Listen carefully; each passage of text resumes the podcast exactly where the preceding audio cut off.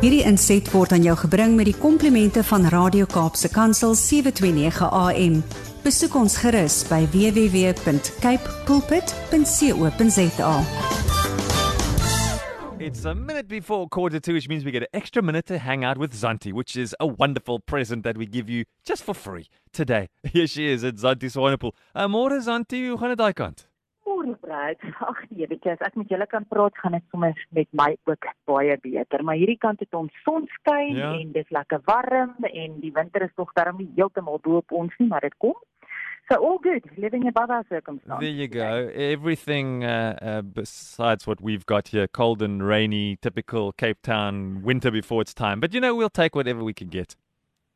Oh, absolutely. But you still got the sea and the mountain, and that still makes me a bit green. But yes, I can. I guess so. Now, listen here. Before we get into our conversation this morning, I just wanted to say, you know, congratulations. You know, to have another daughter through university and to have a graduation and to have one in person, which is nice after all of these weird other kinds of graduations that we've had to endure, and to be able to celebrate with your daughter and see how well she's done and take another step forward into her future.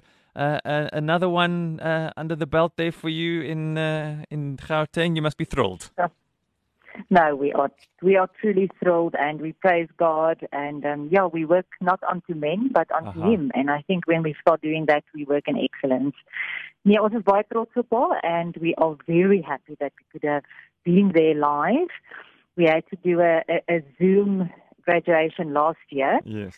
So we've had a bit of everything. A full live one, uh, on Zoom one, and this one was semi live and semi on, on, on a big screen. But Okay. but we were there and we, we praise God for yeah, for doing in our children's lives what he needs to do as well. Yeah, we love that. Thanks for sharing. We just, you know, it's, you, you- you're a public person, so we can celebrate you and your wonderful family. Some of you on the radio as well on a Wednesday morning. But we know you're not here to talk about your family. You're here to inspire us, and we can't wait to hear what's up your sleeve this morning. Donkey Zantie. Oh, reg bruid.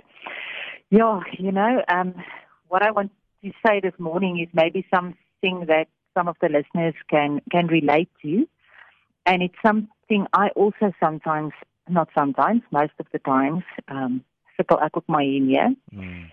But my theme this morning and what I want to challenge the listeners with is when God does not fit into our time, time frame, but still answers our prayers. Mm. Wil dit weer sê. What do we do when God does not fit into our time frames, but still answers our prayers? Jy sien want ek en jy we we live in such a a quick society where everything happens fast. Ons ons het ons glad nie meer geduld nie. We we don't have to wait like in the old days when I was a child and we watched a series or something. We had to wait a week to see the next episode. I know, right? Or when you listen to a, yeah, to a story on radio, um, somebody was reading a book or something or, or telling a story, we had to wait a week to, to get the next part.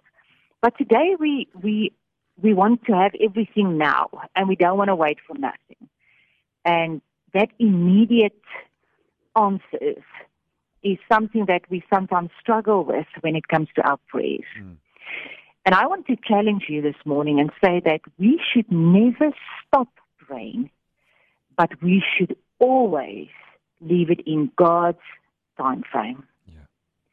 Our work is to pray. His work is to answer it in His time. And that will rarely be your time or my time. And my prayer this morning is that we will consistently bring our praise before God and trust Him fully that He hears and He answers, but on His time. Mm. I really sense it in my spirit that, that one or two or three re- listeners are, are trusting God for something and they're really praying about it. But it's as if they feel they are praying against a, a plafond Yeah. and it's not being answered. And and my story this morning, I am saying directly to you, you that are listening this morning, wherever you are, you that are trusting God, you are praying, and it seems like there's no breakthrough and no answer. God is saying, you keep on praying. He is hearing it, but He will answer it in exactly the right time. I want to leave you this morning with a story with regards to this that just changed my life completely. I don't have many role models, um, but this is a man that's a mentor to me. I listen to him every day. He departs so much wisdom into my spirit. And I want to tell you how he got to know God because it is because of prayer. Now, he tells the story about his grandfather that worked for the Department of Transport in Texas in the USA, and his job was to put asphalt in potholes. Mm-hmm. And he worked for a season with a guy named Ray Alexander, was a Christian and who shared Christ, he says, with my grandfather. That is our job, to share our testimony wherever we are, whenever, always pray and share. He says he, he shared with his grandfather about Christ and he knew nothing about it. Can you believe it? Mm.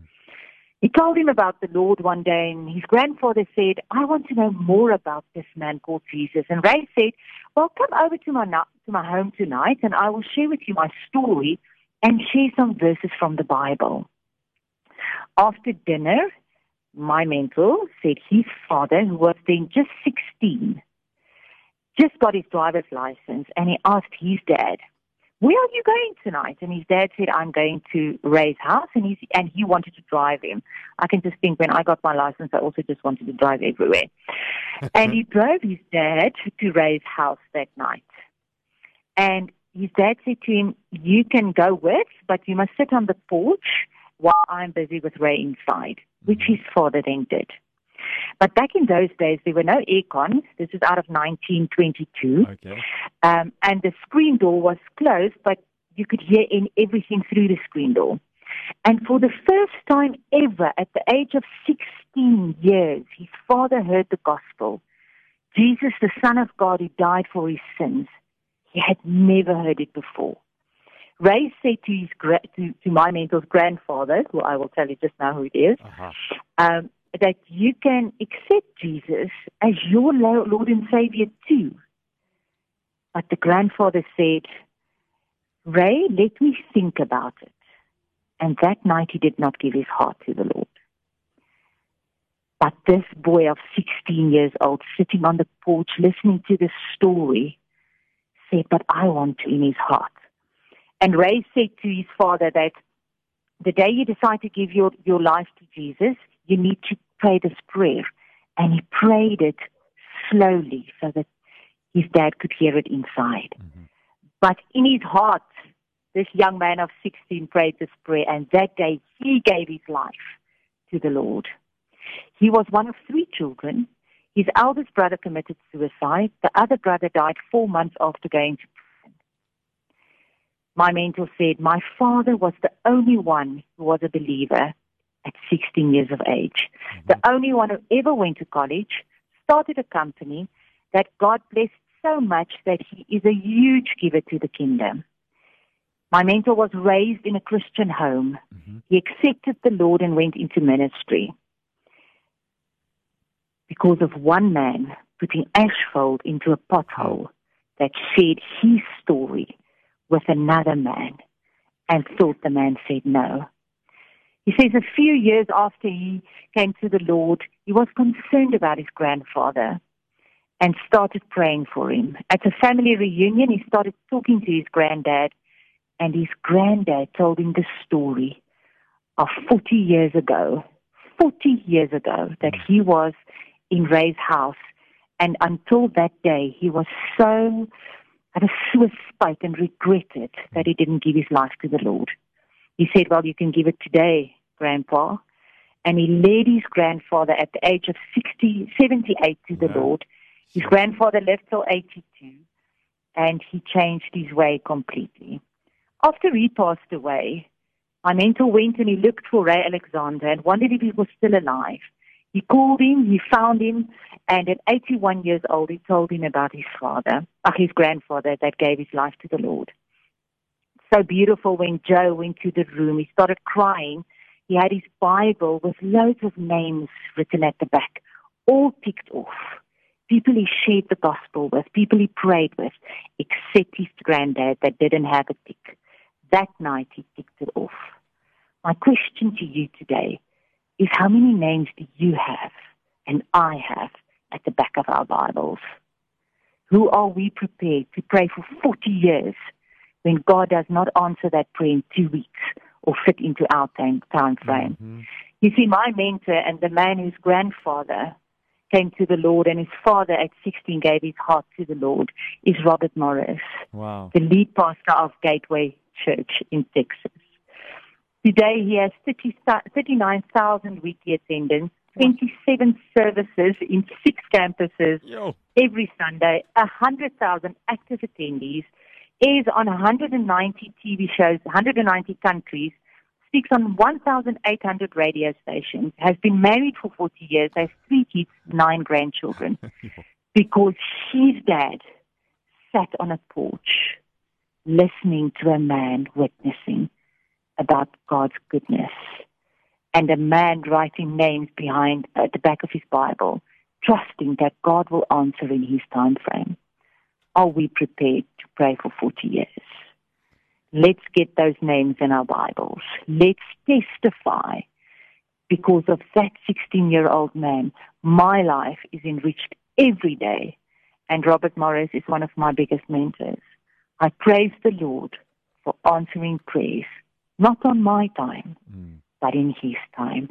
Amen.